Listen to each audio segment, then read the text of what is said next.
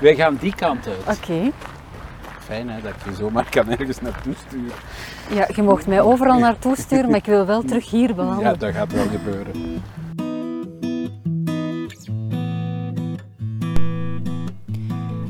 Hey, welkom bij een nieuwe episode van de podcast Brave New Human. Ik ben Ianka Vleerakkers, storytelling architect en speaker mentor bij de Thought Leaders Academy. In de zomer van 2020, toen de eerste golf van COVID-19 door de wereld is geraast, besloot ik tijdens een ochtendwandeling om drie dingen die ik al lang wou doen, gewoon te doen. Lange gesprekken voeren, aan de 100 kilometer van de dodentocht deelnemen en een podcast opnemen. Et voilà, hier zijn we. In deze podcast nemen we de tijd om te praten, de tijd om te luisteren en te wandelen. Ga je mee?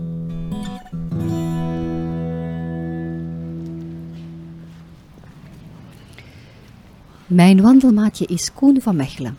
Koen is conceptueel kunstenaar. Hij wordt de man van de kippen genoemd, maar hij is eerder de man van het kruisen. Bioculturele diversiteit en de daaruit volgende interactie tussen kunst en wetenschap vormen het hoofdthema van zijn oeuvre. En waarschijnlijk ook van ons gesprek. Waarschijnlijk. Want met een kunstenaar weet je maar nooit. Het, is, het is heel lang geleden dat we elkaar gezien hebben. Ja, ik herinner mij nog dat het een World Creativity Forum was. Ja, ja. Dat is... eh goh, moet, kan, dat, kan dat zijn dat dat nu acht jaar bijna geleden of zeven Ja, ja, of zoiets? ja, ja. eh, en ondertussen, veel gebeurd. Ja, ja, bij mij wel, bij jou ook. Hè. Bij mij ook, ja. Want toen, toen had je dit nog niet, hè? Nee, er was, er was zelfs geen sprake van, van labiomista. Ook niet in je hoofd? Geen droom? In mijn hoofd is er altijd van alles sprake. Maar ehm, kijk, het is, het, is, het is een beetje zo dat, dat ehm, ik denk, eh, maar dat zul jij ook wel weten als kunstenaar, ik heb een bepaalde filosofie die zegt van, als je begint als kunstenaar, dan zijt je bezig met je individuele ontwikkeling. hè? En eh, dan praat ik over, u, over mijn eigen jeugd, hè? die erg geconcentreerd is op, over wat heb ik te vertellen, wat is mijn visie. Als je daar een beetje doorgroeit bij het creëren van werken, dan eh, kom je in een tweede fase en dat is de fase ehm, eh, dat, dat, dat je kijkt naar de anderen. Laat ons zeggen dat dat een beetje volwassen worden is. dat, je, dat je in doog krijgt dat er naast u ook nog andere wezens zijn. En dan heb ik ehm, een atelier gesticht dat in Hasselt gevestigd was, in de gelatinefabriek destijds. En, ehm, en dat noemde ik de Open University of Diversity. En wat was dat? Dat was mijn eigen werk confronteren met, eh, ehm, mijn eigen werk confronteren met, eh, met, met vakgebieden van anderen. Hè? Wetenschappers, eh, m- waarin biologen, immunologen, eh, genetici, maar ook sociologen of ehm, eh, economen. En om eens te horen, ja, wat ik nu denk als individu, houdt dat ook nog steek in een huidige maatschappij? Ja. Hè, of heeft dat ook nog iets meer te vertellen? Ja. Wat was het antwoord? Het antwoord was eigenlijk ja. Omdat. Oef. ja, eh, allee, toch voor sommigen, voor anderen was het misschien nee. Maar, maar wat was belangrijk? Belangrijk was dat er een hele grote groep van mensen ontstond. die zeer geïnspireerd waren door het idee Cosmopolitan Chicken. Omdat dat nu heel erg gaat over. Ja, metaforisch dan over hoe, hoe de mens is en hoe dat wij als mensen Ja. mogelijk zouden kunnen samenleven. Ja, dus toen, toen dat je met die studio begon, was je al bezig met de Cosmopolitan Chicken Ja, Project? uiteraard. Ja. Ja, dat was mijn individuele ontwikkeling. Want als ik vijf jaar was, had ik al een broedkas op mijn kamer staan. Ja, echt waar. En zei je moeder dan niet, jongen, dat stinkt op de Nee, kamer? mijn moeder zei vooral, je moet s'nachts slapen. En, eh, en dat was, een, dat was eh, natuurlijk voor hen niet heel gemakkelijk. Zo'n kleine jongen die dan s'nachts ook nog rondliep, die in die broedkast keek, keek hoe dat een kuiken uit zijn ei probeerde te geraken. En ik weet dat dat een grote fascinatie voor mij was. Dat als je, als je iets verwarmde tot eh, 37,6 graden, Ja, dat dat op, na 21 dagen dat daar iets uitkwam. ja.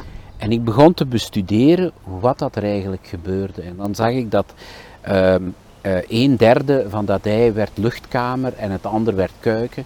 En dat het kuiken moest doorbreken in die luchtkamer om lucht te happen en dan de schaal te breken. En die action, dat momentum, dat vond ik, ehm, dat heeft mij altijd bijgebleven dat dat een momentum is dat juist moet zijn. Als dat fout is, dan stikt dat kuiken en dan is het afgelopen. Dus diezelfde lucht hè, die u helpt om geboren te worden, zou eigenlijk ook de lucht kunnen zijn die u Die sterft. Ja, Dat is, dat, ik vind dat dat is fascinerend. Ja. ongelooflijk. Ja. En later heb ik gedacht, dat is ook zo als de Space Shuttle naar de ruimte gaat. Hè? Als, je, als je de schaal van, van, van waar wij, de atmosfeer waarin wij leven, op een verkeerde hoek pakt, gaat je eraan, dan brandt alles op. Ja. Ja. En waarschijnlijk is dat in de groei van een mens ook een beetje hetzelfde.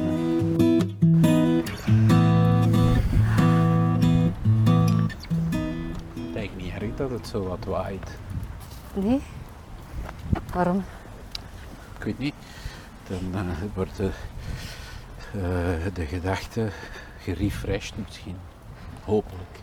Zit je vol, zit je vol zorgen op dit moment? Ehm, nee, ik, nee, ik zou dat niet zorgen noemen. Maar ik werk eigenlijk aan tien projecten tegelijkertijd. En eh, dat, dat, waarschijnlijk geeft het dat zwangere gevoel zo van eh, welk, welk zal nu het eerste uitbreken en geboren worden of welk, eh, welk heeft geen kans om te overleven. Ehm, en dat is zo'n continue spanning. Maar zonder die spanning zou ik het waarschijnlijk ook niet kunnen. Een beetje verslaafd. Ehm, verslaving is natuurlijk niet altijd een, een- Ja, misschien is dat wel waar. Mijn vader zei altijd tegen mij: ehm, perfectionisme is een ziekte. en dat moet je ook goed beseffen, zegt hij. En dat is eigenlijk een beetje waar, omdat je rust nooit totdat het 100% is, maar 100% bestaat dus niet. Dus dat wil zeggen, je rust nooit heel kort. En eh, misschien is het dat wel. En dat kan wel verslaving geven, omdat het volgende is altijd het beste natuurlijk. Zijt jij een perfectionist? Ehm, en wat ik doe, denk ik wel, ja. Ik eh, kan echt wel, ehm, eh, als, het, als het niet... Kijk, hè, kunst hè, eh, houdt rekening met je eigen spelregels. En als die niet voldaan zijn, dan is de onrust totdat die, totdat die op punt staan. En dat, dat maakt het perfect. eh, God is in de details. Hè? Dus dat maakt u wel onrustig. Maar van het moment dat het er staat en ik geloof erin en voor mij beantwoordt het aan, aan, aan dat wat ik wel wil hebben, dan kan de wereld op zijn kop staan. Dan zal ik het ook verdedigen. Maar ik kan het niet verdedigen als er iets is wat mij stoort.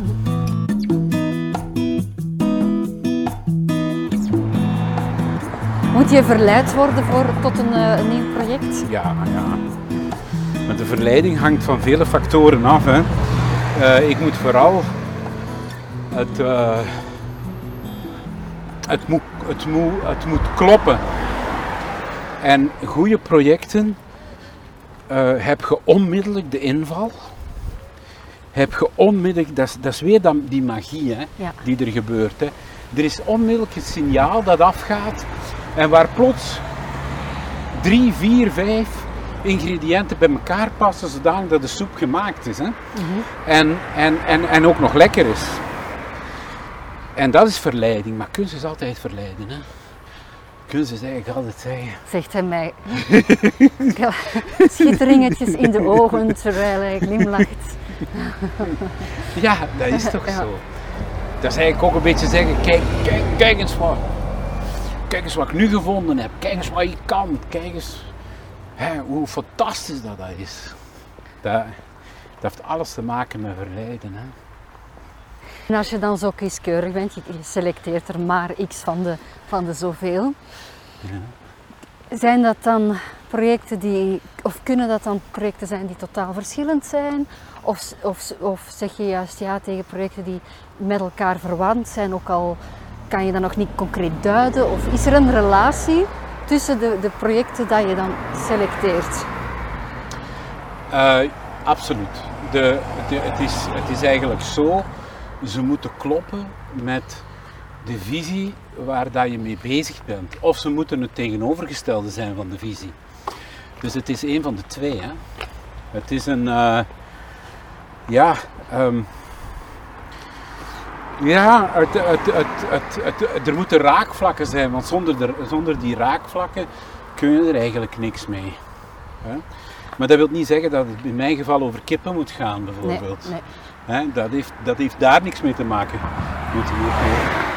maar het heeft vooral te maken met, met het moet kloppen in uw visie. Het moet die hybriditeit in zich hebben, bijvoorbeeld, bij mij. Of het moet, um, hè, net belden ze mij in Venetië, de, een tentoonstelling komt eraan, um, uh, Unbreakable, over um, uh, vrouwen, vrouwen werken met glas. Hè? En waarom? Dat, en ze vragen om mij daar om, om, uh, om dat te cureren, om daar ook mijn visie over te geven. Maar daar heb ik een visie over. Dus dat kan ik ook doen. in, een, in een maatschappij die vandaag zo onder druk staat, waar dat zorg een van de belangrijkste dingen is. Zorg voor de natuur. En als we er straks een gesprek hadden met uw dochter, dat zij zegt hè, dat uh, in haar generatie die zorg nog eens uh, naar boven moet komen, zie ik ook dat die grote voorvechters voor die natuur, dat dat ook vrouwen zijn. Dat is een beweging die door vrouwen op gang getrokken wordt en niet meer door mannen. En dat komt ook omdat vrouwen een andere zekerheid gekregen hebben. Wat bedoel je daarmee met een andere zekerheid? Um, ik heb de indruk dat vrouwen meer geloven in de toekomst en dat mannen onzekerder zijn over hun toekomst. Van dat laatste ben ik ook zeker. ja. Van het eerste, dat... Ja. Uh... ja, dat is omdat ik waarschijnlijk een man ben die daar zo naar ja. kijkt.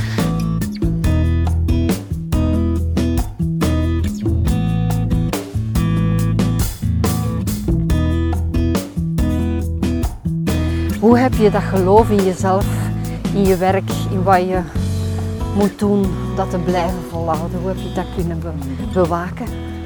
Um, dat hangt van vele factoren af. Hè. Um, eerst en vooral, ik ben gezond gebleven tot nu toe. Ik denk dat dat een factor is die, die je niet mocht onderschatten. Dat wil te zeggen, ik ben een brok energie die altijd blijft doorgaan. Hè die s'morgens opstaat en die begint. Als je je dag niet meer kunt construeren, dan krijg je je idee ook nog heel moeilijk geconstrueerd. Um, dus dat is. Dan, ik leef op signalen die u zeggen dat het, dat, dat het de richting is die je moet gaan. En, en, en dat is, dat, dat is, ik heb het nu een paar keer al gebruikt tijdens deze podcast, dat is de magie van het leven. Mhm.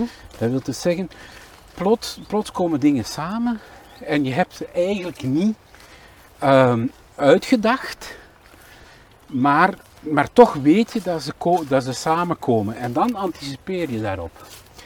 En dat blijft u geloven dat het toch juist is. Um, dus dat zijn, dat zijn, hele, dat zijn hele belangrijke dingen. Omdat, de, ik noem dat gifted, hè, mhm. talent, hè, gecombineerd met doorzetting. Ja. En die doorzetting is dan gelinkt aan gezondheid uiteraard. Dus dat zijn twee ongelooflijke belangrijke ingrediënten om te weten of je dit verder aan kan of niet. Als dat er al niet is, ja, dan moet je op, opgeven. Nu, projecten die niet goed zijn, die falen meestal na twee jaar. Hè? Dit project bestaat 30 jaar. Ja. Er is niemand hè, die daar blijft in geloven 30 jaar aan een stuk. Je moet continu energie geven ook om, om, om energie te genereren. Dat is een soort cirkel.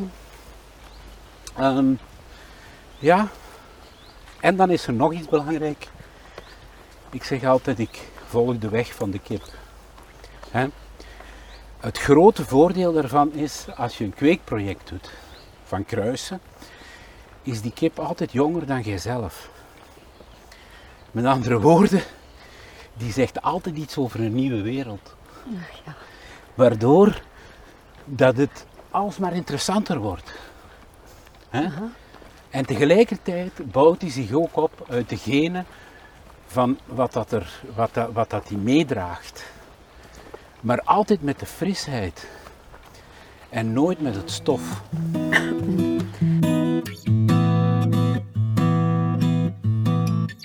En heb je, heb je altijd de vrijheid gehad om, uh, om je los te koppelen van het budgettaire? Ja. Ik heb, denk ik, dat is ingebakken in mijn leven. Eerst en vooral, hè, ik vertel een verhaal over de gedomesticeerde of de wilde mens. Ik ben een gedomesticeerd wild mens. Dat wil zeggen, zet een kooi rond mij, ik zal ze afbreken. Dat beantwoordt helemaal aan het verhaal Cosmopolitan Chicken. Want ik plaats een, een, een, Mechelse koekoek, die een symbool is voor België en die gekweekt is door, uh, door selectie. Naast een poulet de Bresse, die een symbool is voor Frankrijk en ook gekweekt op selectie. Door die met elkaar te laten kruisen, zeg ik, breek het frame en, en zet de genetica en de energie vrij tot het ontwikkelen van iets nieuws. Voilà, dat ben ik.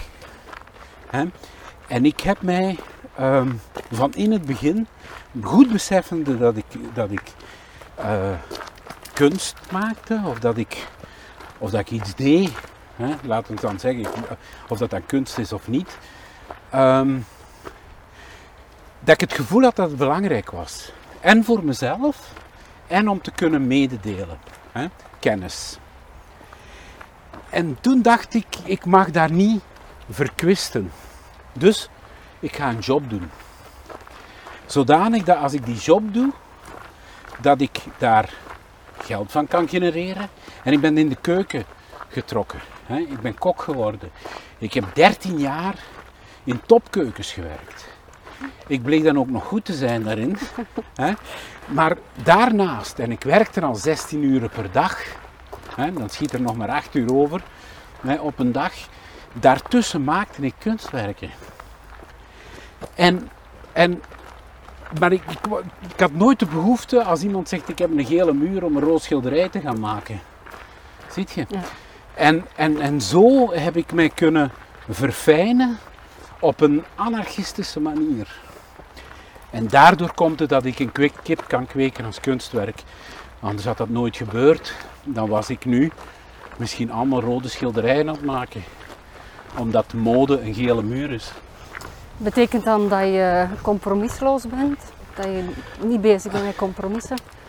Ik ben niet bezig met compromissen. Soms denkt men dat van mij. En waarom? Ja, waarom? Omdat ik, um, omdat ik in een ruimte binnentreed op een respectvolle manier en niet op een, uh, hoe moet ik zeggen? Dominant, lawaaiige, ja. ik ben hier. Voilà. Ja.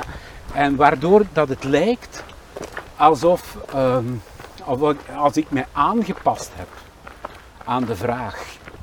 Maar dat is helemaal niet waar. Ik heb me aangepast aan het fluisteren van de, van de ruimte. En ik heb net, eh, net had ik een eh, gesprek met uh, de man waar dat ik gisteren mee Berengo, Adriano, in Rome. En hij zegt, ja, zegt hij, uh, ik kan het bijna niet begrijpen. We waren gisteren in het museum, een oud museum, hè, met, met, met echte topstukken uit de oudheid. Van zowel Romeinse, Griekse uh, tijd. En hij zegt maar, je ademde al van de eerste minuut de ruimte in. Waardoor dat je wist in iedere ruimte wat dat je ging doen. En dat, dat is alsof ik mij, mij aanpas. Maar ik maak een conversatie met die ruimte. En ook de ruimte past te gaan aan mij. En dat is symbiose. Dat is iets heel anders.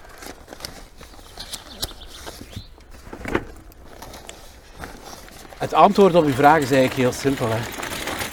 Ik ben veel te nieuwsgierig. Ik wil altijd weten wat de magie is. En waar het momentum van de magie ligt. En in mijn leven heb ik al ontdekt dat dat niet op de plaatsen is waar dat je denkt dat het zou liggen, Ja. maar op de meest common places eigenlijk. Ik ben van overtuigd dat je daar. Nu ben ik echt van overtuigd dat ik op La Biomista de juiste context heb om aan de wereld iets te vertellen.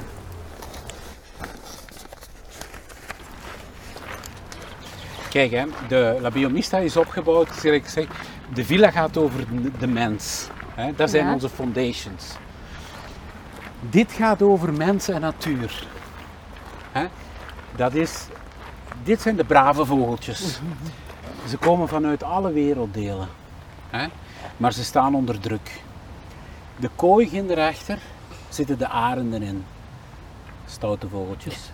Als je die kooi openzet en die kooi openzet, dan gaat de arend onmiddellijk de brave vogeltjes pakken.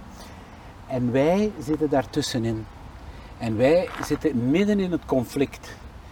En het conflict zit tussen, tussen natuur en cultuur. En wij denken heel dikwijls dat wij de predators zijn, maar heel dikwijls zijn we ook de prey. Hè? We zijn dikwijls ook degene die gegeten worden. Wereld, pandemic, een beetje RNA en we zijn in paniek, de hele wereld ligt stil. Maar we beseffen dat niet altijd. En daarom is La Biomista opgebouwd van de mens naar het conflict tussen mens en natuur. En zo is ook het gebouw, hè, want ik heb dat samen met Mario Botta getekend. Hè, omdat het gebouw toont dat ook. Hè, die twee identiteiten die allebei moeten beschermd worden, maar elkaar gewoon zouden opvreten. En als je dan hier komt, dan zie je in de sculpturen of de installaties ziet je het conflict. De slang waakt over de kokons. Maar als de kokons uitkomen, zal de slang de eerste zijn die ze eet. Hè? Dat is het omgekeerde van broeden. Hè? ja. De medusa, het symbool die wij altijd ervaren als een soort agressiviteit. Hè? De vrouw, de slangenkop, waar dat je naar kijkt en verstijfd geraakt, ze verleidt u tot maar op. Maar de slang is ook het eerste gif dat de medicatie kon aanmaken. En ik vervang de koppen van de slang door kippenkoppen, omdat de kip een reptiel was in de geschiedenis. En dat vandaag in het medische 80% van de eieren gebruikt worden om medicatie te maken. Denk maar aan bacteriënkweek, virale kweek. Dus als je een ei uit het medische zou halen, dan zou je eh, een heel groot probleem hebben. Omdat daar zitten bindmiddels in en krachtmiddels om te kweken. En Medusa is heel dikwijls ook het symbool voor healing. Heel veel medische firma's hebben de Medusa als hun ja. symbool. En dit is een symbool in de tijd. Dit zegt iets over de evolutie en hoe wij vandaag de Medusa ook kunnen ervaren. Want het conflict, hè, heel dikwijls is ook het negatieve, het positieve. Het is de vraag in welke dosis dat je tot u neemt.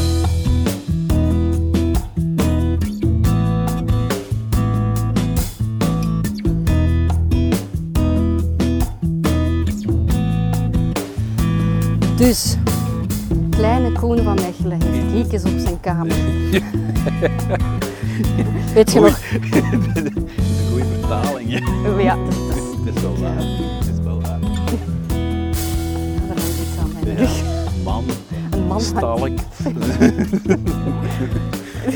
Ik draag gewicht mee, Koen. Ja. En eh, het- dus als ik mij dat moet voorstellen, een kinderkamer, kippen, weet je nog welke kippen?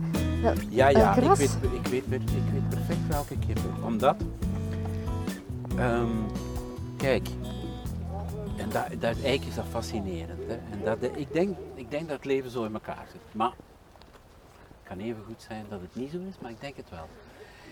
Toen ik vijf jaar was, heb ik van de plaatselijke bakker in een broodzak twee kuikens gekregen. Sorry, ik vind dit een gruwelverhaal. Nee, dat is geen gruwel. Maar in een broodzak Want gewoon? de broodzak was niet gesloten, hè? Ah, de broodzak was open. Maar die man, ja, die man had alleen maar broodzakken om, om uit te delen als verpakking. Dus die had, daar, die had er wat stro in gelegd in die broodzak en die had twee kuikens. En ik heb die twee kuikens gekregen van de bakker. Nu moet je mijn leven eens achteraf bekijken. Ik heb 13 jaar in de keuken gestaan, in topzaken. En ik ben daar gespecialiseerd geraakt in het maken van desserts. Patisserie. Desserts maken. En ik ben een levenswerk begonnen, dat heet Cosmopolitan Chicken Project. Als je dat terugbrengt naar mijn jeugd, op mijn vijf jaar, en de bakker komt dan in een broodzak met twee kuikens af, Ja, het, ja, dan had hij eigenlijk mijn toekomst in zijn handen. ja. En dat vind ik ongelooflijk dat zulke dingen gebeuren. Hè? En wanneer heb je dat beseft dat dat eigenlijk... Ja, ik heb dat pas later beseft. Ik heb dat, ehm, want ik heb ooit, ik heb een lezing, ik was door Barbara Wijkmans uitgenodigd in, in, De Eh, in het directeur paleis. van het paleis, ja, ja. van het paleis. En toen heb ik een lezing gegeven en ik praat nu over tien jaar terug, denk ik. Over, ehm, over wanneer dat creativiteit ontstaat. En toen, op dat moment, als ik daar aan het praten was, vertel ik dat verhaal. En besefte ik eigenlijk, ja, die mens wist eigenlijk al wat ik ging doen. Is dat, is dat, dat is fascinerend. En nu, vandaag, zit mijn leven altijd vol met dit soort metaforen. Ja. Waarvan dat je flashbacks hebt die zeggen, ah ja, toen gebeurde dat. En eigenlijk waren dat al momentums die iets nieuws aankondigden. En Maar- toen ik dat had, hè, om Ja. een vraag te antwoorden, dat waren Hollandse kuifhoenders. Waren dat. dat waren kippen met zo grote haartooi. En hij had dat mij speciaal gegeven omdat hij wist dat als kleine jongen dat ik geïnteresseerd was in de natuur. Ook omdat mijn ouders, mijn vader, eh, had een volièrke waarin dat eh kanaries zaten. Zo Mhm. ging dat. En die konden nog net in dat voljerken, in zo'n voljerken in. Nee, die mochten dan vrijlopen. Maar ik heb die, ik heb die gekoesterd, die twee kuikens. Eh, ook weer binnengezet, omdat die moesten warmte hebben. En zijn die groot geworden. En, en dat was een haan en een hen. Dus ook nog dat geluk hebben. Dat het een haan, wat konden ook twee hanen werden. Ja, en dan hadden, gevocht, dan hadden ze gevochten. Hè. ja, en dan was er een probleem. Zeg, ondertussen wandelen we hier door het domein. Ja. En ehm, vertel eens iets over het domein zelf, want we lopen hier op een pad dat aangelegd is. Dat ons uitnodigt van hierop te blijven. ja. Ehm, dus vertel eens, waar, waar zijn we eigenlijk? We zijn in La Biomista en als ik er straks vertelde dat, eh, dat, dat ik eigenlijk mijn heel leven al bezig ben met een La Biomista, dan, dan is dat omdat vanuit die, hè, die individuele ontwikkeling, de interesse in de wereld en dan het samengaan van uw individuele interesse met de ontdekking van de andere, ja, dan krijg je iets universeel. En dat is voor mij La Biomista. La Biomista is er gekomen doordat ik mijn atelier in Hasselt moest verlaten.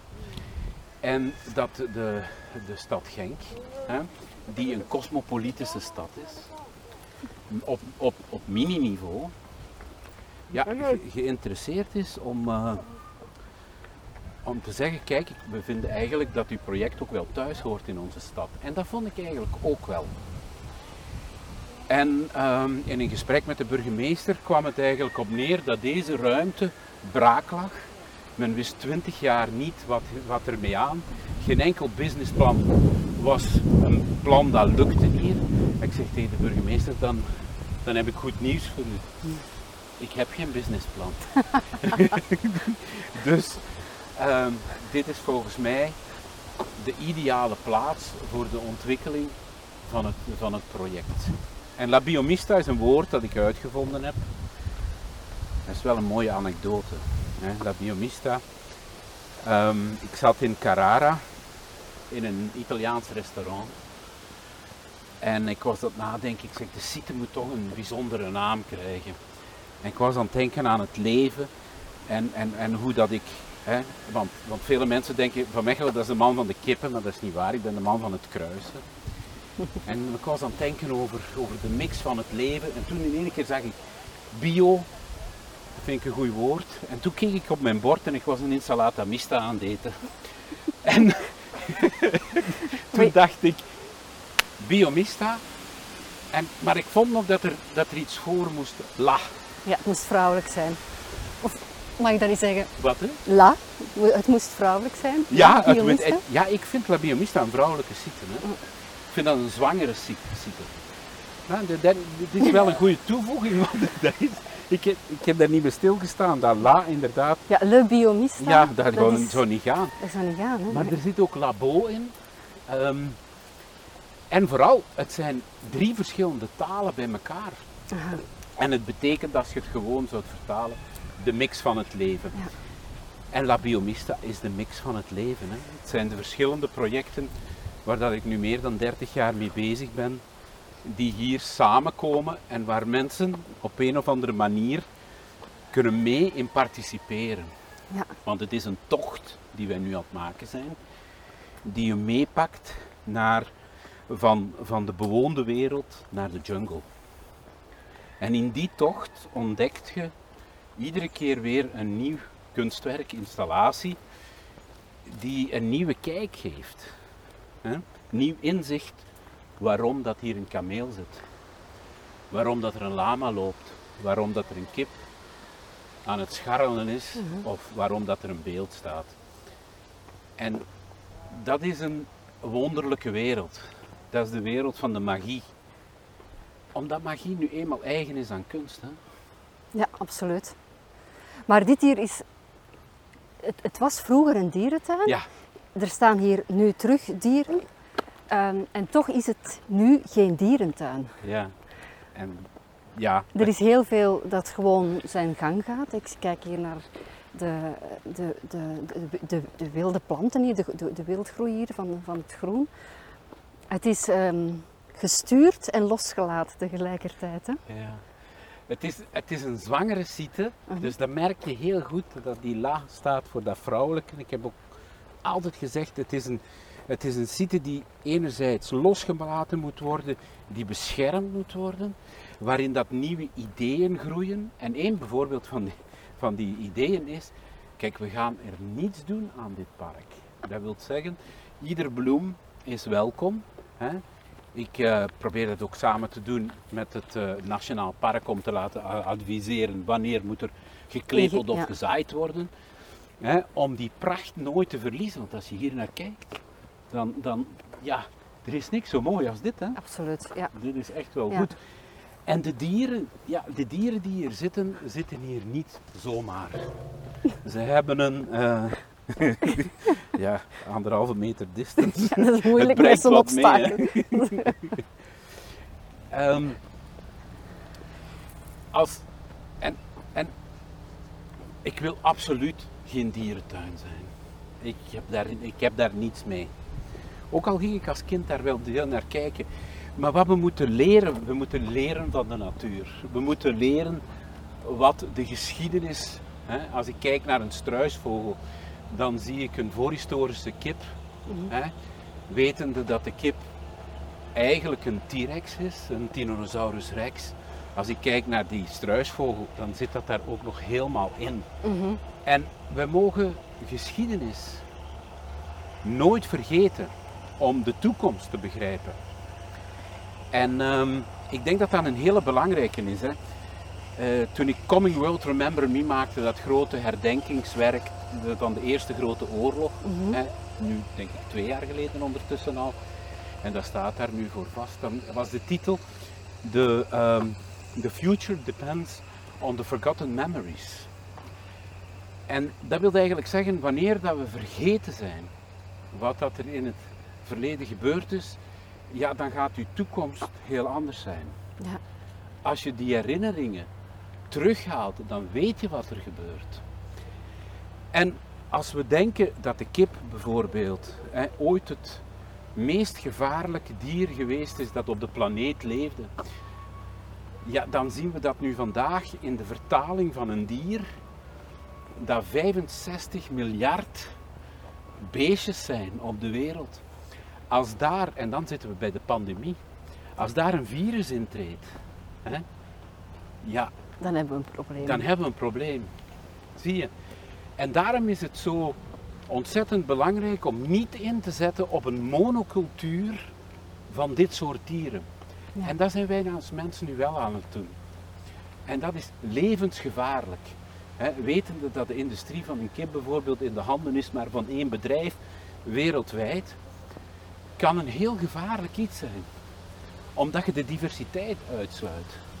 En ben jij als kunstenaar dan bezig met, met, met politiek, met dat dan zo te bekijken ook? Met te kijken Ehm, naar wie heerst er over de wereld? En... Ik denk, ehm, ik, ik denk dat, eh, ik ben niet bezig met politiek, omdat eh, ik denk als je, daar moet ik een statement over maken, omdat ik, ik ben geen wetenschapper, ik ben geen politicus, ik ben geen activist, ik ben een kunstenaar. En wat doet nu een kunstenaar? Een kunstenaar vormt een scharnierbeweging in de maatschappij. Mhm. Dat wil dus zeggen, en dat is de contradictie, dat hij in principe het orakel is van Delphi. Maar door het orakel van Delphi, en- als we het orakel van Delphi zouden ontleden, je zegt, heeft altijd gelijk. Ja, Het orakel van Delphi heeft altijd, altijd gelijk. Ja. Maar een kunstenaar moet, dat al, moet ook altijd gelijk hebben. Omdat hij de scharnierfunctie heeft, dan kan hij zowel goed als kwaad laten zien. En in het laten zien van goed en kwaad, hè, om nu maar gewoon termen als goed en kwaad, want het is ingewikkelder dan dat, ehm, kunt je een discussie teweeg brengen die inspirerend kan zijn voor de maatschappij. Bijvoorbeeld dit, dit gedeelte waar we nu in Ja, nu in lijkt het alsof we uit het domein zijn, omdat er Ja. eigenlijk helemaal geen pad meer ligt. Het is gewoon een baantje in een wei, wat lijkt een wei. Er wordt daar van alles gemaakt, maar het lijkt dat we, dat we op een plek zijn dat we niet mogen zijn. Ja, en die plek is ook een beetje gevaarlijk. Ja, Waar, we- waar ik hier bezig ben, dit is een, dit is een heel nieuw stuk in, de, in La Biomista. En dat is 12 hectare grond. Mhm. Daar gaan we een afrassering zetten Mhm. en een soort van ijzergordijn met een wildrooster. En als je hier binnenkomt, dan kom je binnen in de volière van de wereld. En de volière van de wereld, hier gebeurt alles. Hier gebeurt het onzichtbare en het zichtbare. Bijvoorbeeld Bart eh, van de Kamp is hier gekomen en heeft motten gevangen in de nacht. We zien die motten niet, maar er zitten 140 verschillende soorten motten. echt. Daarnaast heb ik een plakkaat getekend met de bijna uitgestorven dieren. En dat is dan de zichtbare wereld, maar tegelijkertijd onzichtbaar als wij hier binnentreden. Maar wat er nog aan het gebeuren is, en dan zie Ja, je nu die verschillende terils, die kleine Ja, terils die ja, ja. liggen. We gaan allemaal ooievaarsnesten plaatsen. Omdat ginder aan de vijver, waar we nu aan aan het toewandelen zijn, ben ik een project begonnen, Black Stark Baby. Ja, ik zie daar een, een, wat nu lijkt op een engel. Is, er- Ja, is daar wij een engelbewaarder aan het Wij werk? worden aangezogen door een beeld dat de antagonist is van het beeld dat vooraan op de site staat. Mhm. En Wacht, en Vooraan- bedoel je dan het vooraan op het, op het Op het gebouw, dak. op het dak? op het dak, Die, ja. die alienachtige figuur die mij eigenlijk een beetje schrik aanjoeg. Voilà. Zo. Zo mogen we hier wel binnen. Ehm, maar het is ook wel goed dat hij een beetje schrik aanjaagt, omdat ehm, ik denk, als ik praat dat het een zwangere ziekte is, dan moet er ook wel een verdediger zijn Mhm. van die zwangerschap. Want als dat niet bestaat, en dat is dan de hybride figuur, de man die sporen draagt, want als je daar naar kijkt, hij draagt sporen en heeft een, heeft, eh, een, een kop van een ei. Mhm. Dus hij is, hij is de verdediger van, van die site. Maar eigenlijk praat hij ook tegen dat soort beeld. En dat beeld heet Protecting the Other. Het is een mythisch wezen dat ons de weg wijst naar de vrije natuur. En daarom is deze, deze plaats van 12 hectare ontzettend belangrijk. Het is de plaats waar dat we de vrijheid gaan bediscussiëren. En nu net in, in, in covid-tijden Ja, is dat een hot topic, hè? is dat een hot topic. Daarom heb ik ook die installatie Black Stork Baby gemaakt. Dus ik had al zwarte ooievaars gekregen van de Black Jaguar Foundation. Die is ter bescherming van de corridor in, eh, in Zuid-Amerika, waar ik Peter van werd. En dan hebben ze mij toen gezegd, ja kijk, die zwarte ooievaar, die ehm, is wel nog in verschillende plaatsen in Europa. Maar Vlaanderen, Ik heb nog nooit een zwarte ooievaar gezien. gelukkig, dan ga je die Is nu zien. Maar ik wist zelfs niet dat het bestond. Ja, eh, ik wist het vroeger ook niet. Maar ook hier in het eh, Nationaal Park droomt men van zwarte ooievaars terug te hebben in hun Nationaal Park. En dus met de directeur vandaar hebben we dan besloten, Ninja Schops, ja, we gaan, hier, we gaan ze hier eventjes in quarantaine zetten en dan gaan we discussiëren of er de mogelijkheid is tot het vrijlaten van de jongen, die dan ook nog geshipped worden en over de wereld trekken, want ze overwinteren in Afrika. En dat doet ons beseffen dat er een grote en een kleine natuur is. Wij zijn de kleine natuur. Mhm. Maar als ze straks vertrekken, dan gaan zij naar de grote natuur. En Wauw. wij moeten hier beseffen, denk ik, dat de wereld van iedereen is.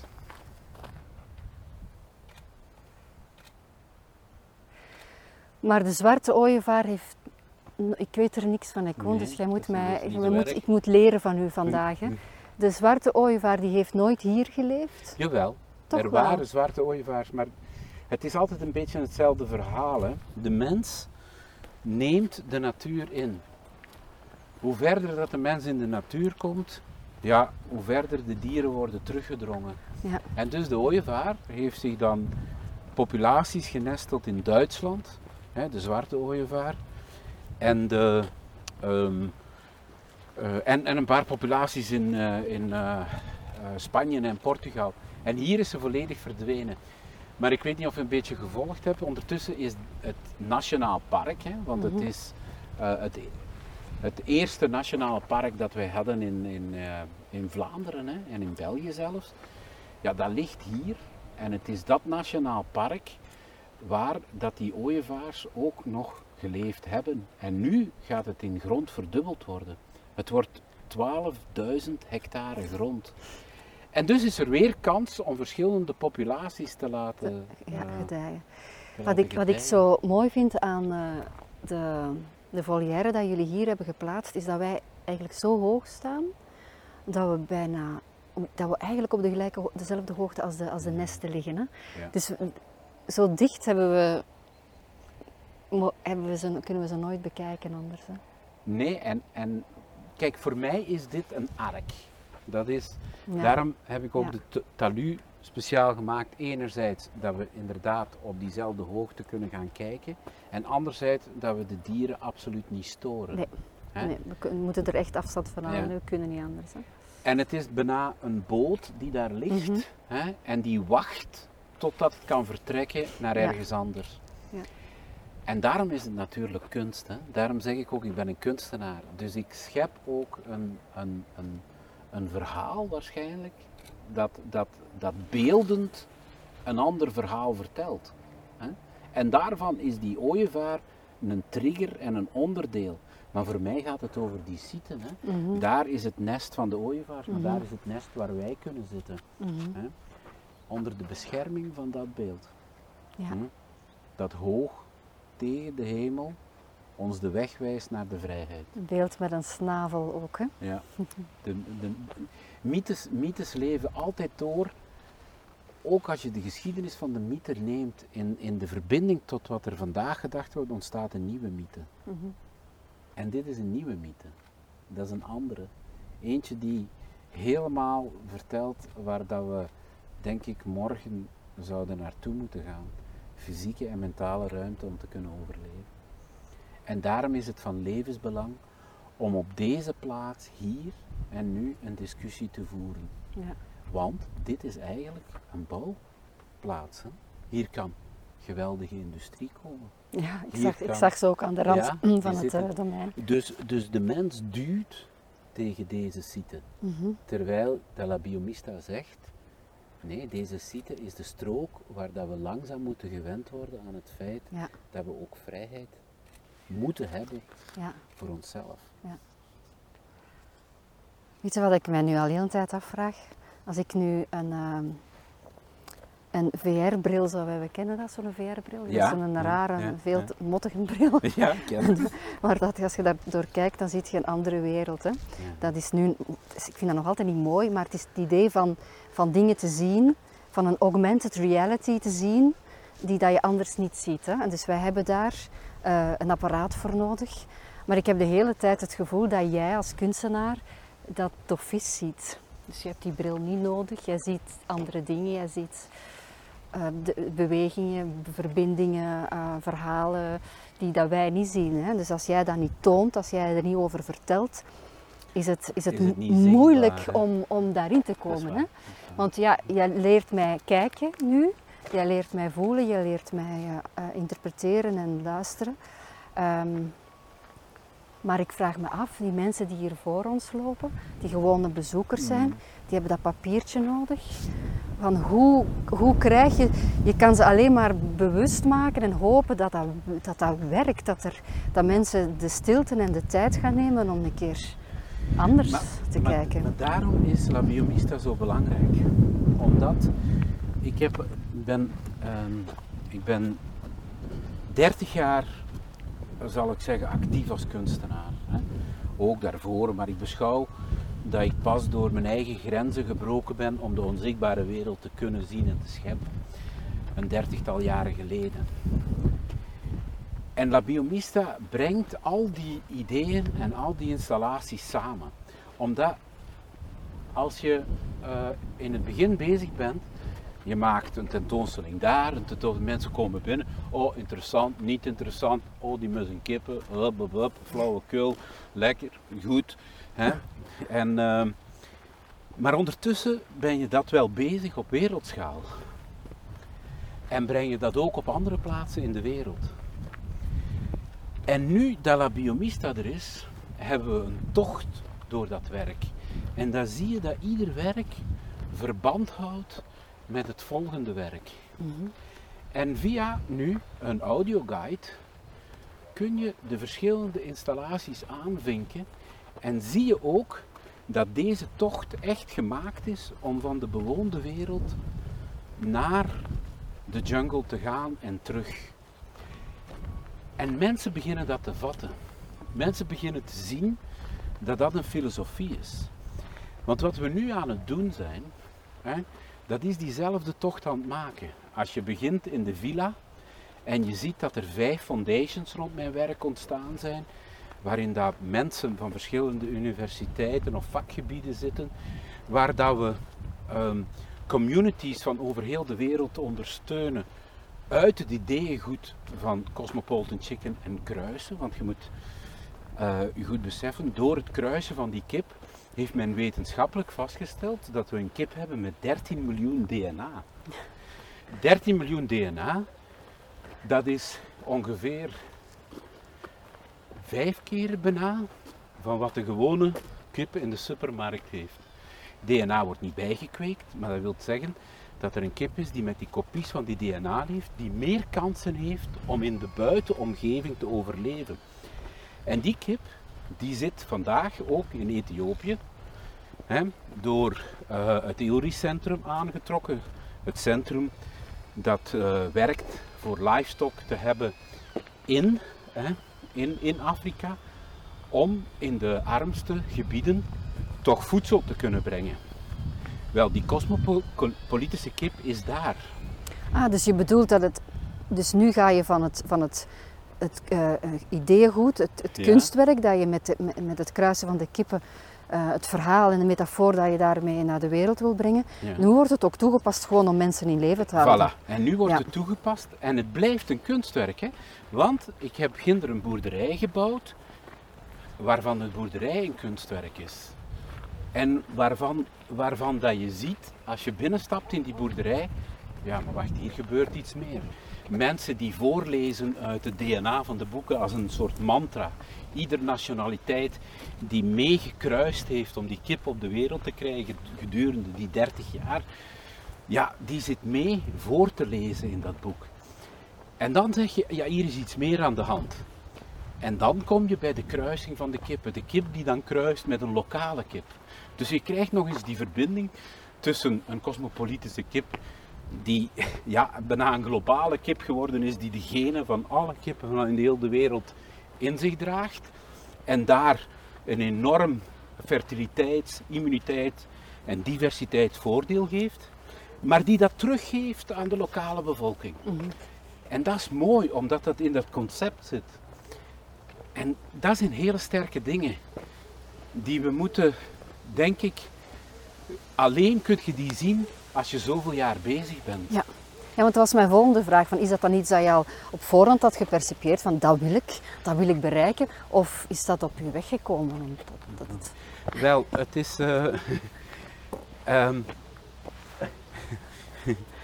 het, eh, het komt op mijn weg, maar in de wetenschap dat het op mijn weg zal komen. Dat is iets totaal anders. Dat is de serendipity Ja. van, Ja. het, van, het, van, het, eh, van de magie van de kunst. Alleen, je moet scherp zijn en herkennen wanneer dat het voor jou binnenkomt. En dat denk ik dat enorm belangrijk is. Ja. Ontvankelijk zijn. Ontvankelijk. Het, ja. het zien als het er is, wat, wat moeilijk is voor de meeste mensen. Hè? De Ja. opportuniteiten, de kansen zien, de Ja. mogelijkheden zien. Omdat dat onzichtbaar is. En daar Ja. zit ook geen meetinstrument op. Nee. Maar dat is nu wat we denk ik ongelooflijk nodig hebben. Ook in het vormen van een nieuwe maatschappij van morgen. Hè.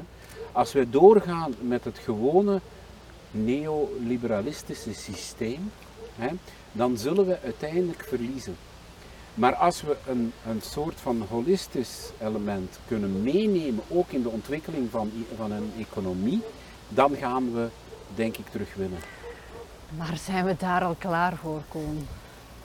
Wanneer zijn we klaar? Je bent nooit klaar voor de ontvankelijkheid van wat je overkomt.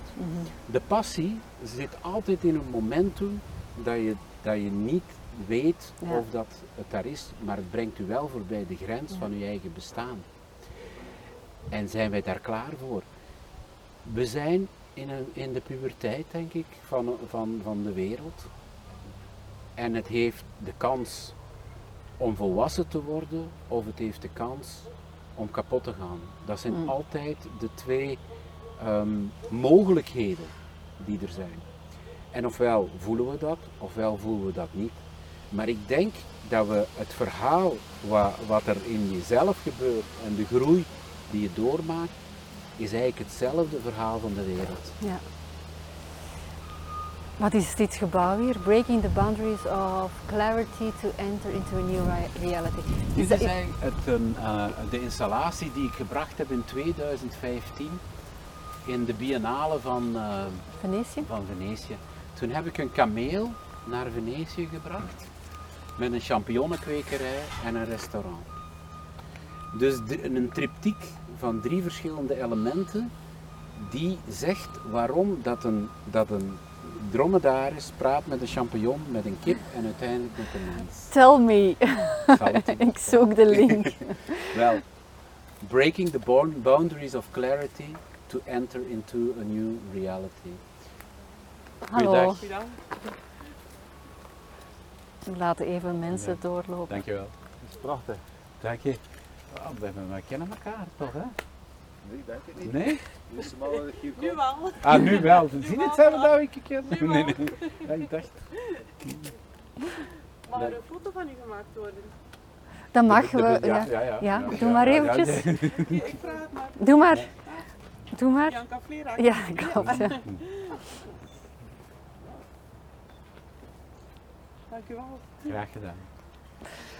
Dus Ehm, de link tussen dromedarissen, champignons en restaurant. Champignons Ja. en restaurant. Ja. We hebben, we hebben de tocht gemaakt. Hè. We hebben, ehm, misschien moet ik daar eventjes bij stilstaan. Zo. We hebben de tocht gemaakt en we hebben de cosmopolitische kip gezien, die kruist, hè, die, eh, die 13 miljoen DNA kan geven, hè, door te kruisen, in de vrijheid van de kunsten. Niet in het controleren van wetenschap of industrie, maar wel juist door de ontwikkeling op het zijn eigen snelheid te laten gaan. Ja. En dat vind ik fantastisch, hè? want er is geen enkel, er is geen enkele industrie die dit zou doen. En bedoelt je dan dat ze mochten kweken wanneer ze wilden? Niet alleen dat, hè? want er zit natuurlijk ook een, een, een, een, er zit een sturing achter, maar een artistieke sturing. Dat wil dus zeggen, je zet ze bij elkaar hè?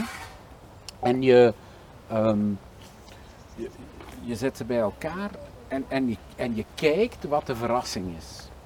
En doordat je kijkt wat de verrassing is, krijg je eigenlijk een vrijheid. Mhm. In de wetenschap of in de industrie is dat niet zo. Men kijkt naar de genetica, men ziet wat de meeste competente cellen zijn, die moeten bij elkaar zitten, dat ga je bestuderen. Eh, werkt het, is het goed, werkt het niet, kous af. Ja. Ik heb altijd gezegd, het is ook ons environment, onze omgeving die belangrijk is. Dus ik ben onmiddellijk beginnen kippen te kweken op verschillende plaatsen in de wereld. Afrika, Zuid-Amerika, in barre omstandigheden. Waar dat de omgeving mee in de genetica gekropen is. En waar dat we kunnen lezen wat nu de voor- of de nadelen zijn daarvan. Ja. Dus als je die tocht maakt en je hebt dat al meegekregen in uw, in, uw, in uw wandel, en ondertussen heb je al eens een lama gezien, en je hebt eens een alpaca gezien, een struisvogel, en, en je zegt, maar wat heeft het nu allemaal met elkaar te maken? Wel, het heeft eigenlijk enorm veel met elkaar te maken.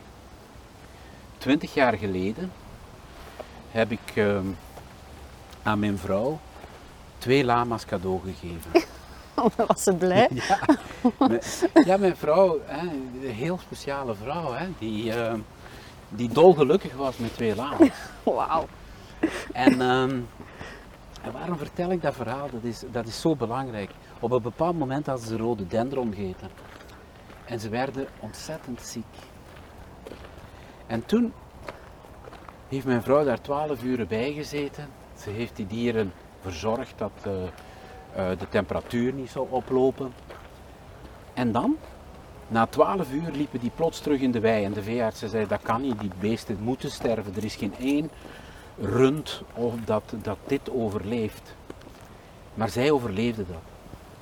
En toen dacht ik, hier is iets speciaals aan de gang. Hier- Hier moet, iets, hier moet iets in die immuniteit zitten. Ik was aan het denken aan de hoogtes, de rode bloedcellen, hoe dat, eh, hoe, hoe dat die dieren kunnen, kunnen sterk zijn en overleven. En dan ben ik beginnen te praten met wetenschappers. Onder andere professor Hamers kwam daar ook in voor. En toen bleek het dat hij bij kameel, bij de kameel, bij een dromedaris, toevallig ontdekt had dat er een dubbel immuunsysteem is. En het dubbel immuunsysteem betekent eigenlijk, er is een traagwerkende immuniteit en er is een zachtwerkende, een traagwerkende of een Snelwerkende. En ik dacht, dit is ongelooflijk. Ik zeg, waarom zouden we dat niet in het ei van een kip kunnen krijgen? Op een of andere natuurlijke manier. En dan ben ik daar heel veel werken beginnen over te maken. Omdat ik weet, men struggelde met het feit dat je die immuniteit van die dromedarissen niet kon overbrengen naar de mens, want dat kon werken tegen kankers of tegen virale ziektes. En dan eh, is de groep van Salens, een eh, groep van Belgische wetenschappers van eh, de UGent, die is dan naar mij gekomen en die zegt, we volgen uw werk, het is interessant met die lama's. En, en we denken ook, als je dat zou kunnen brengen naar het niveau van een kip, want de eiwitten van de kip kunnen wij rechtstreeks opnemen, ja, dan zouden we daar wel iets van kunnen maken. En dan heb ik tentoonstellingen gemaakt, waar dat ik kameelachtige, lama's, kamelen, dromedarissen, alpakas, want dat is allemaal dezelfde groep, mest laat produceren, het mycelium van champignons laat groeien Op op, de de, moedermelk Om de moedermelk. Dat zaaien in het mest. Daar champignons van kweken. De champignons kunnen wij rechtstreeks opnemen. Ja. Dus het mycelium dat op de moedermelk gerijpt was, want daar zitten de antistoffen in. Dat zaaien in het mest van de kameelachtige. Champignons kweken. Champignons kunt je eten. En het afval kunt je geven aan de kippen. En zo kunt je een hele circulaire economie starten. En daar hebben we dan wetenschappelijk onderzoek beginnen op te doen. Zitten we hier nu met voedselverbetering? Of zitten we nu niet? En daar hebben we wel gezien dat die champignons rijker geworden zijn aan proteïne. Dat ook de kippen gezonder werden. Andere wetenschappers dan? Hè, hebben dan gezegd, dit is interessant ook om in communities in te planten ergens in Afrika, als we daar nog rijst aan toevoegen bijvoorbeeld, ja, dan heb je een complete maaltijd waar een heel dorp kan van leven.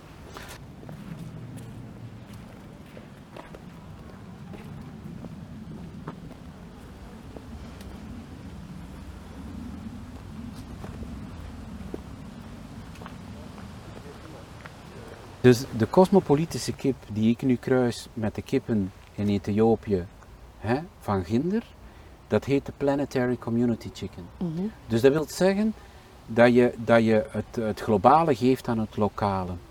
Dit is nu de doorbraak in het ontwikkelen van boerderijen die kunnen gaan honger in de wereld oplossen. Ja. Bill Gates heeft nu het project omarmd en investeert nu 10 miljoen dollar om dit project in Afrika uit te zetten. Ja. Maar als je dat niet, als ik niet 30 jaar geleden twee kippen met elkaar gekruist had, en ik had bijvoorbeeld geluisterd naar iemand die zei, wow, die met zijn kip, dan hadden we vandaag Mhm. iets gemist. En dat is kunst. Ja. En dit van de lama is hetzelfde verhaal. 2000 verraste ik mijn vrouw.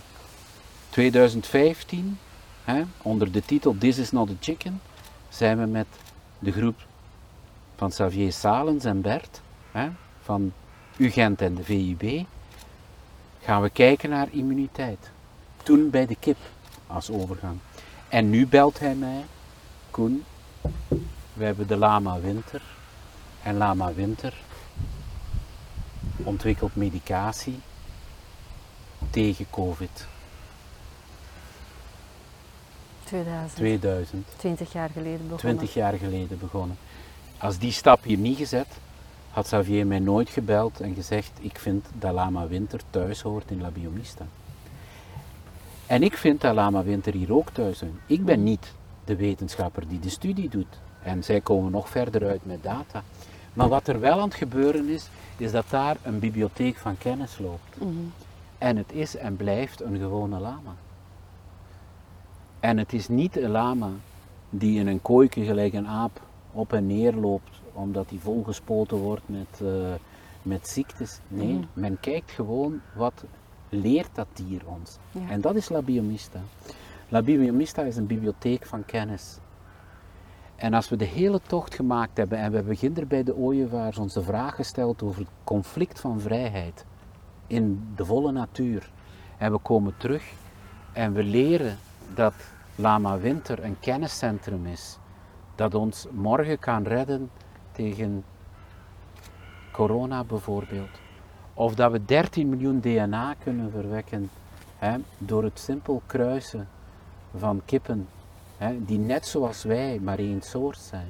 Hè, want dat is een groot verschil. En gedomesticeerd zijn. En dat we geleerd hebben dat de kamelen, de lama's en de dromedaarsen diezelfde immuunsysteem hebben als een alpaca. Dan staan we nu te kijken naar een wei waar een planetary community kip leeft samen met een alpaca. En een project kan zijn dat je kan installeren in de armste culturen van de wereld om toch voeding te kunnen hebben daar waar niets groeit.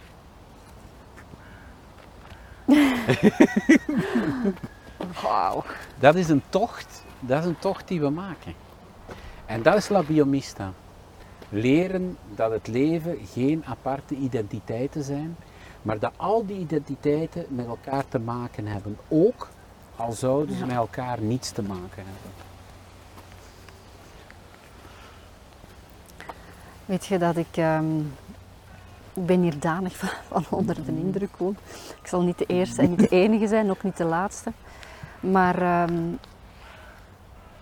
ik voel me ergens een beetje ehm, schuldig, omdat komende uit een artistieke wereld, ehm, eh, had ik nu zo de laatste tijd het gevoel van wat kan, wat is de relevantie van kunst op dit moment nog? Ja. Eh, dat, ik de, dat ik de betekenis ervan eh, kwijt was en dat ik dacht van ja, pff, weet je, ehm, why? Hè? Mm. Maar wat, door wat jij mij vertelt, eh, voel ik dat wel weer terug. Omdat ik eh, voel dat, dat, eh, dat de nieuwsgierigheid van een kunstenaar, die geen grenzen kent en zich niet wil laten leiden door wat goed of kwaad is, maar gewoon een open nieuwsgierigheid is en het open in vraag stellen of creëren van een idee waar dat niemand aandacht voor heeft op dat moment dat dat het, eh, het, eh, het zaad kan zijn voor degenen die erna komen als het rijp is om door anderen wel begrepen te worden. Of ehm, ehm, het, het geen grenzen hebben ja. van de kunstenaar. Maar, maar wat je nu allemaal zegt, dat is het begrip van schoonheid. Hè? Scho- schoonheid is de ontdekking van het heelal, namelijk het ontdekking van de andere, die leeft of niet leeft. Hè? En ik denk dat kunst eigenlijk dat is. We zijn natuurlijk, we zijn, in, we, we, we zijn te, te sterk afgeleid van, van wat. We zijn, we zijn weg van het, van, van het idee dat kunst ook kennis is. Hè? Of dat nu theater is, of dat is beeldende kunst, ik praat over kunst in het algemeen. Voor mij is kunst kennis. En kennis ontvang je, dat is een gift. Hè? En het is die gift die je, waar je schuldplichtig bent aan de maatschappij om die mede te delen. Ja. Maar we zijn afgeleid. We hebben, we hebben het gevoel van decoratie gekregen.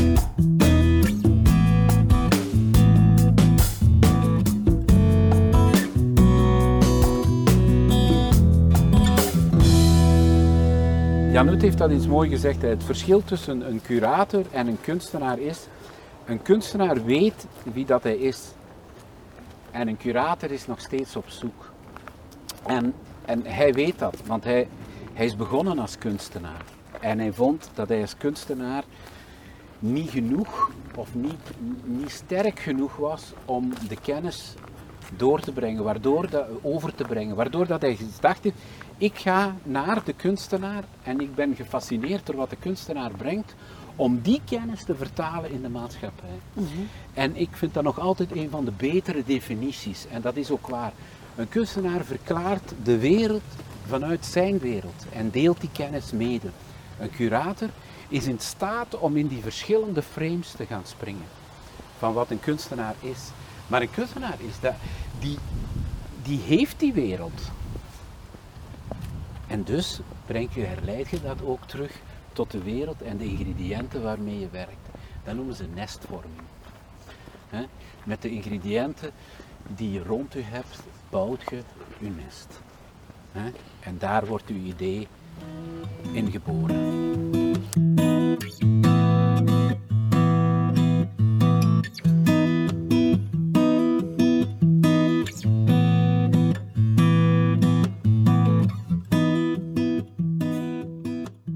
30 jaar geleden op een podium kroop en ik zei dat een kip een kunstwerk is en dat we moeten kijken naar wat het ons kan leren, ja, waren de rotte tomaten niet ver weg. Hè? Dus, en en vond, dat, vond dat zijn diepgang niet binnen de wetenschap. En ik heb geluk gehad. Ik heb geluk gehad dat bijvoorbeeld Jean-Jacques Cassiman op mijn pad gekomen is. Wie is die man? Um, Jean-Jacques Cassiman is een, een van de grootste genetici van de wereld. En ehm, hij heeft toen gezegd, hè, in een project dat ik toen ontwikkeld had in, eh, eh, in, in Leuven, hij zegt, dit is een project dat zo belangrijk is dat we dat moeten gaan volgen. Niet om aan wetenschap te doen, maar om kennis op te doen. En dat was van een grote wijsheid. Dat wil zeggen dat, dat, je, een groot, dat je een grote wetenschapper bent als je zoiets zegt. En ehm, ik herinner mij een. Dus, dus dat, dat betekent dat het een mens is die denkt op een ander niveau. Die zegt, kijk, wij als wetenschappers kunnen hiervan leren. Door niet aan wetenschap te doen. Dat is fantastisch. Als je dat kunt, als je dat kunt zeggen. Hè? Ehm, en ik denk dat ik probeer in mijn werk dat ook te doen. Ik probeer kunstenaar te zijn door niet aan kunst te doen.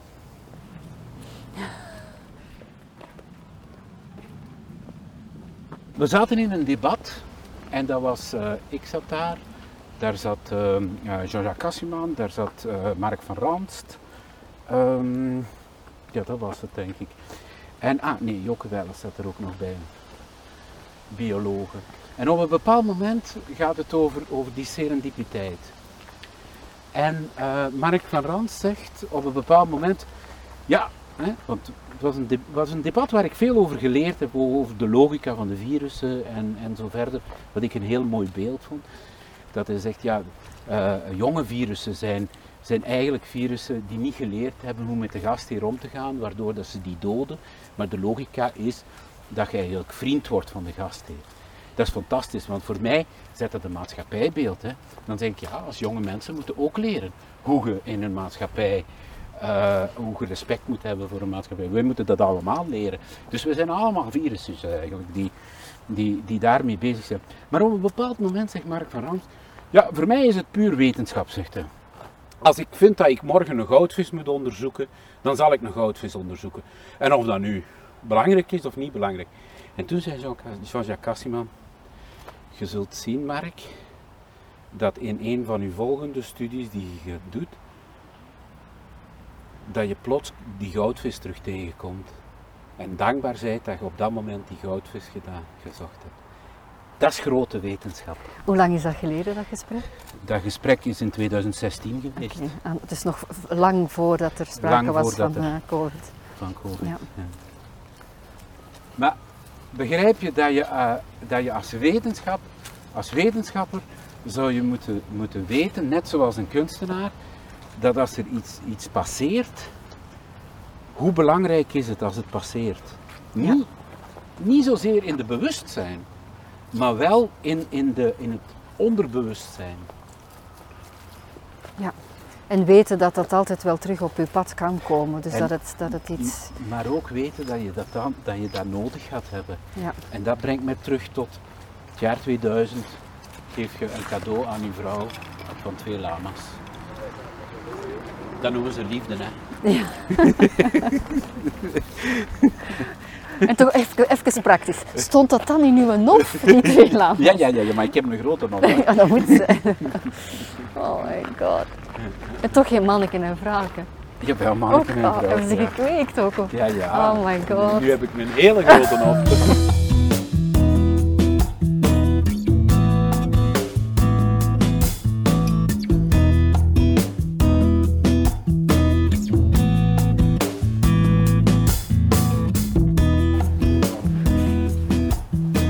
Maar ehm kunt jij dan loslaten komen als alles door je vingers moet gaan? En ja, jawel, jawel. Eh, ja, maar nee, dat mag niet. Hè. Ik bedoel, eh, met loslaten bedoel ik iets heel anders. Hè.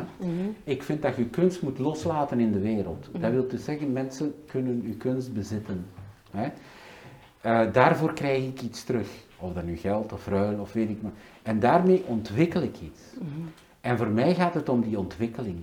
Om die ontwikkeling van dat groter idee, om dat te kunnen, om dat te kunnen realiseren. En dat kan ik loslaten. Maar wat ik niet kan loslaten is, het moet beginnen met Koen van Mechelen en het moet ook eindigen met Koen van Mechelen. Dat wil zeggen, als je een werk maakt, je kunt je niet permitteren dat dat onderweg iets anders, ehm, Wordt. iets anders wordt. Dat wil niet zeggen dat het niet een andere vorm kan aannemen onderweg. Maar uw stempel moet op het einde blijven. Want anders heb je niet die visie die je... Ik heb een visie en die wil ik uitdrukken. En dat mag ik niet los. Als je dat loslaat, hè, dan dat is... Ja, je weet waar dat toe... eh, Dat, eindigt in, in, in, in, in iets. Ik zeg niet, niets wil ik niet zeggen. Maar de kans dat het kitsch wordt, is wel groot.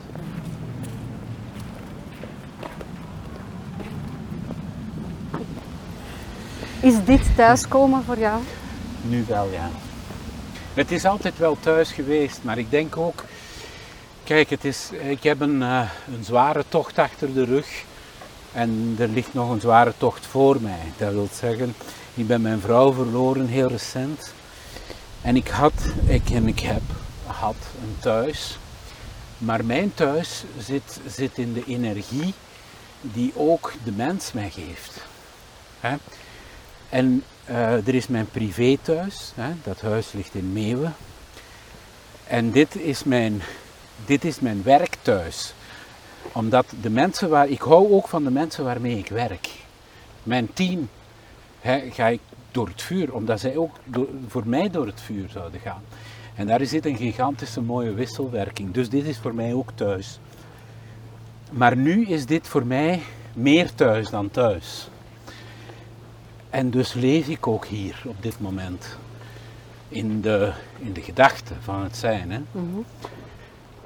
En ik, ik moet zeggen, toen, toen de laatste dagen van, eh, dat mijn vrouw leefde, hebben we gesproken over La Biomista, want mijn vrouw heeft ook moeten leren houden van La Biomista. En, en toen, toen dat het eigenlijk zover was dat, dat ze van het leven afscheid moest nemen, hebben we maar, heel, we hebben maar twee keren daarover gepraat. Want wij praten over het leven. Mijn vrouw zegt, wat gaan we over de dood zeggen? Daar weten we niks van. Laten we het zolang dat we leven over het leven hebben. Vond ik fantastisch. En ook een enorm geschenk. Maar dat had natuurlijk te maken met de, met de brightness van haarzelf. Hè? Om het ook zo te kunnen en te willen stellen. En ehm, toen vroeg ik, en, en, en waar zou je de ceremonie... Eerst en vooral, wat wilt je? Begraven of gecremeerd? En voor haar was crematie daar. Dus ik heb ook haar hier op de site staan. En, ehm, en een tweede vraag was, waar moet de ceremonie doorgaan? En toen zei ze op La Biomista. Dag. En ehm, dat was voor mij eigenlijk haar zegen om te zeggen, La Biomista is onze thuis. En ik voel dat ook zo. En ze wou ook niet bij, bij ons thuis, privé, sterven. Ze zegt, hier mag niet de sfeer van de dood hangen. En tegelijkertijd gaf ze, denk ik, de zegen om te zeggen, wij zullen in La Biomista leven. En dat vond ik mooi. En daarom voel ik mij hier nu meer thuis. En daarom is zij ook hier. Ja. Dus de, dus de toekomst zal, ehm, zal uitwijzen hoe dat mijn leven zich opnieuw ehm settelt, denk ik. Maar dan zijn we toch maar nu even pelgrim.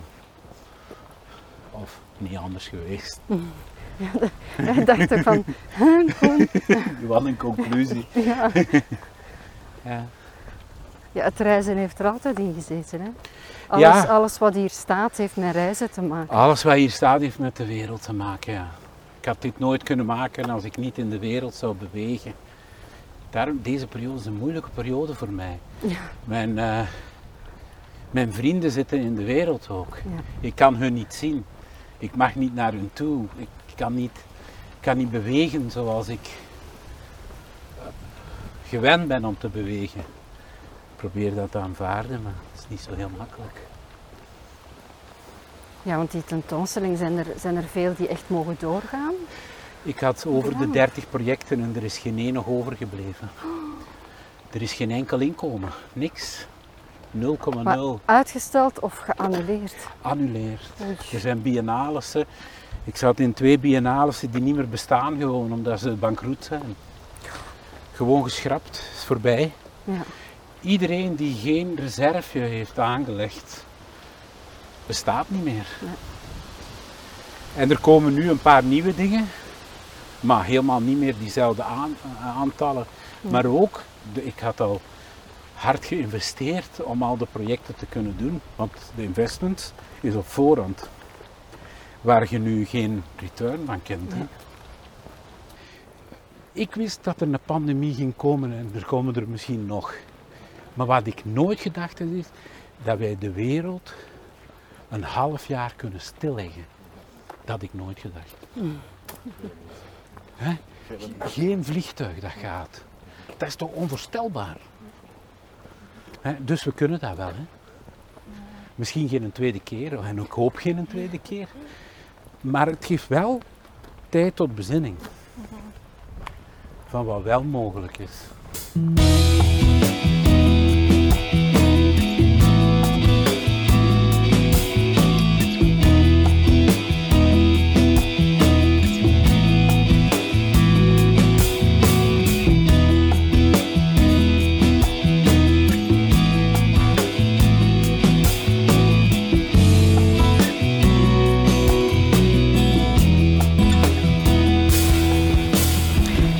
De, de reden waarom dat wij hier aan het wandelen zijn, is omdat ik... ehm, Voka.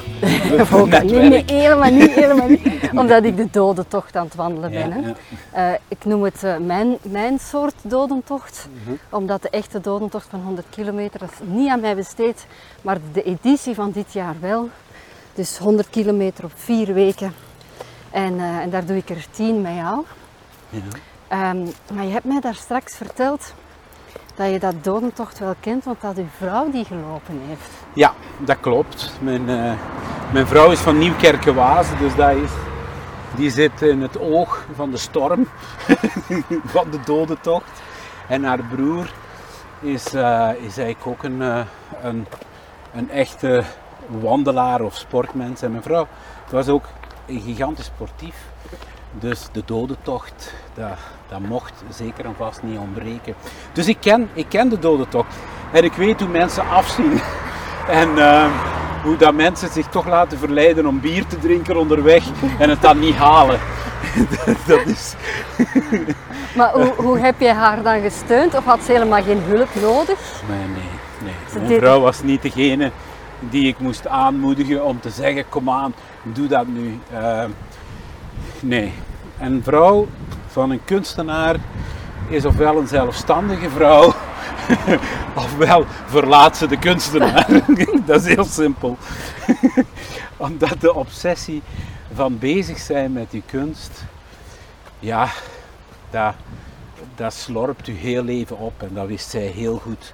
Dus zij zou me nooit gevraagd hebben, zeg, zou ik nu de dodentocht doen? Kunnen we de dodentocht doen? Hoe gaat je mij ondersteunen? Gaat je dit brengen of dat brengen? Nee, dat is niet zo. Ja, ze zou gedacht hebben van Koen, die gaat zeggen nee, doe dat niet gewoon.